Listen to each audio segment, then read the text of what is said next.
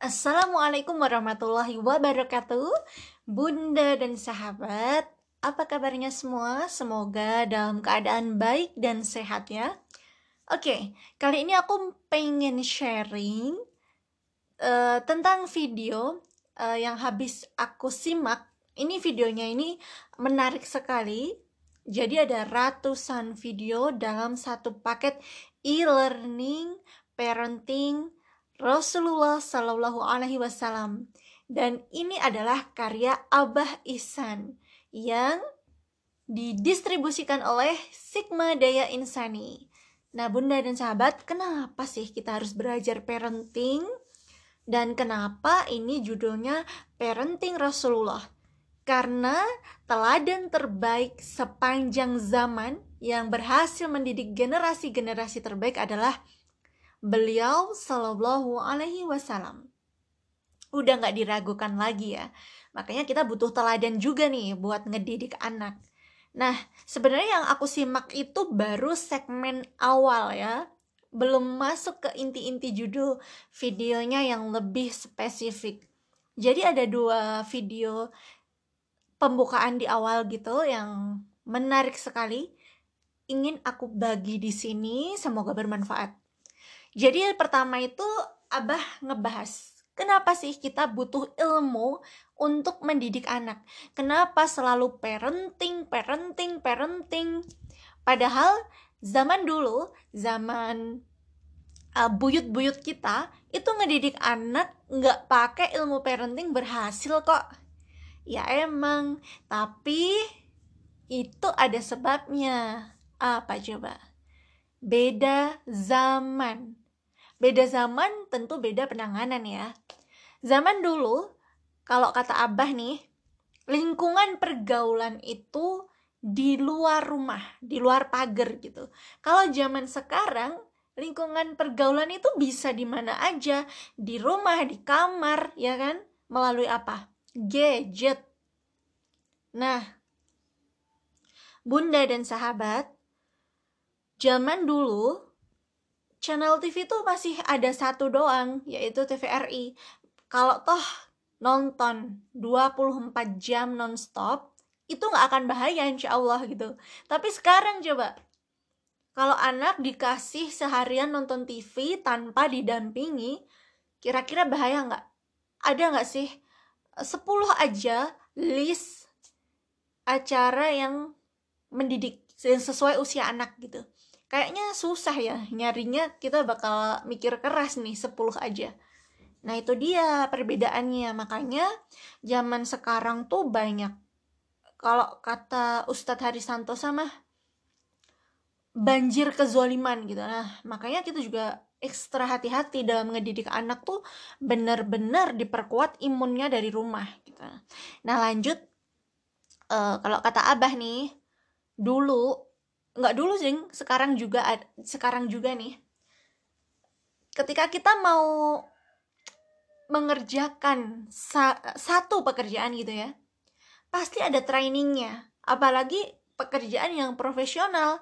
Kita butuh kuliah 4 tahun di batu bara aja yang diurus batu perlu belajar. Ada trainingnya berbulan-bulan bahkan setelah diangkat diterima menjadi karyawan pun masih ada beberapa pelatihan dalam satu tahun gitu. Ini yang diurus batu. Nah kita yang diurus kita ini anak loh. Amanah Allah masa mau seadanya gitu. Kalau ngasuhnya seadanya hasilnya juga akan seadanya gitu. Kata Ibnu Qayyim yang disampaikan oleh Abah itu kebanyakan anak-anak yang dewasanya meresahkan dalam tanda kutip mungkin nakal gitu ya itu karena sebab orang tua. Kecilnya imut lucu ngemesin. Begitu gede banyak bikin istighfar. Ya itu karena ngedidiknya mungkin nggak sesuai apa yang diajarkan Rasulullah dan kita men banyak menyimpang dari fitrah-fitrah gitu ya. Nah di itulah pentingnya ilmu mendidik anak gitu nggak bisa sembarangan ya dan di segmen yang kedua itu abah ngebahas apa aja yang perlu diajarkan langsung oleh orang tua.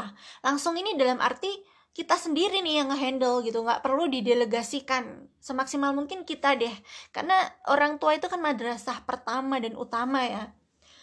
Kalau toh ilmu-ilmu ini nanti ada diajarkan di sekolahan itu sifatnya hanya untuk murojaah gitu tapi kita sendiri nih yang pertama kali uh, mengajarkan itu ke anak. Yang pertama adalah ilmu mempelajari Al-Qur'an. Uh, kenapa harus kita nih? Karena banyak kebaikan di situ. Satu huruf sepuluh kebaikan. Kebayang nggak? Terus misal nih, ngajarin surat Al-Fatihah. Itu bakal kepake seumur hidup. Selalu dipakai dalam sholat. Apakah kita nggak pengen gitu pahala itu ngalir ke kita gitu? Eh, nggak perlu di kayaknya sayang banget kan kalau pahalanya tuh ngalir ke orang lain ini kan insya Allah urusan yang bisa lah ya kita handle gitu lalu ilmu tentang tauhid ini juga penting sekali jadi kita mengajarkan tentang keyakinan beragama nggak cuman keterampilan kalau kata abah gitu tapi keyakinan beragama Terus kita mengajari tentang akidah, tentang kehidupan, baik itu kehidupan selama hidup maupun kehidupan setelah kematian. Jadi kita ngobrol gitu. Apa tujuan hidupnya? Jadi anak tuh nggak bingung. Setelah aku flashback nih, aku pun termasuk anak yang nggak diajak ngobrol gitu. Sejak dini nggak diajak ngobrol, kamu mau jadi apa? Misal itu uh, kayaknya kalau itu klise banget ya. Maksudnya orang tua banyak yang nanyain itu pengen jadi apa. Cuman kalau untuk ngobrol lebih dalam tujuan hidupnya itu untuk apa? Arahnya ke mana?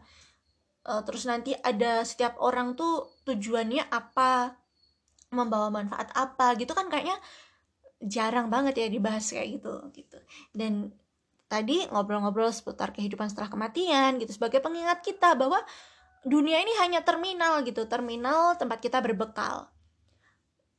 Dan mengajarkan untuk mencintai Rasulullah dengan mendengarkan, membacakan kisah-kisah teladan. Karena kalau kata Ustadz Abdul Khalik Hafizahullah, iman itu ditumbuhkan dengan keteladanan, dengan berkisah dan banyak sekali kisah-kisah yang Allah sampaikan dari sirah-sirah, bahkan sepertiga Al-Qur'an kan isinya kisah ya.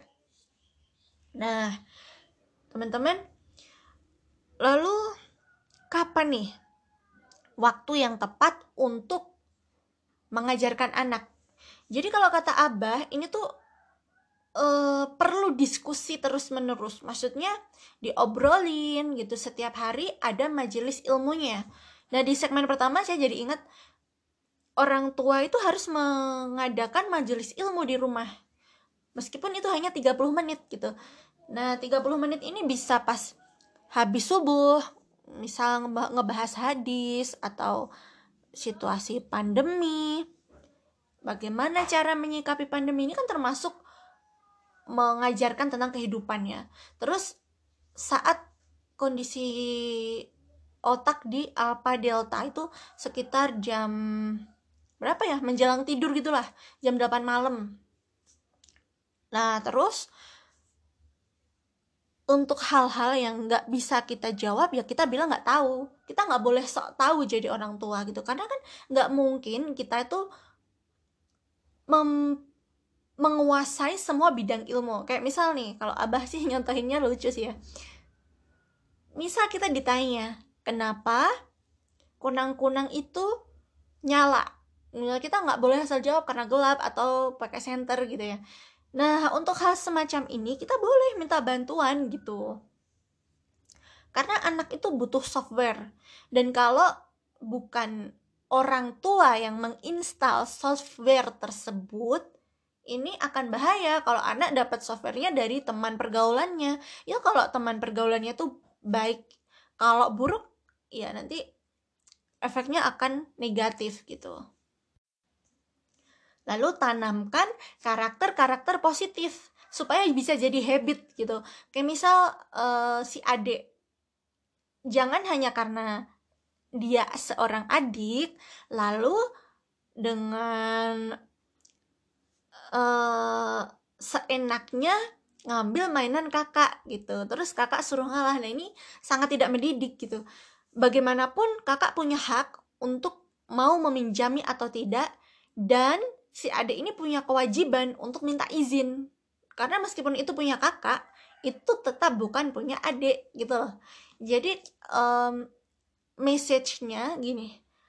Kelak ketika si dewasa, ketika sudah dewasa dan sejak kecil dibiasakan untuk minta izin, anak akan berpikir kalau mengambil barang saudaranya aja harus izin, dia akan takut untuk mengambil hak orang lain gitu. Harapannya seperti itu.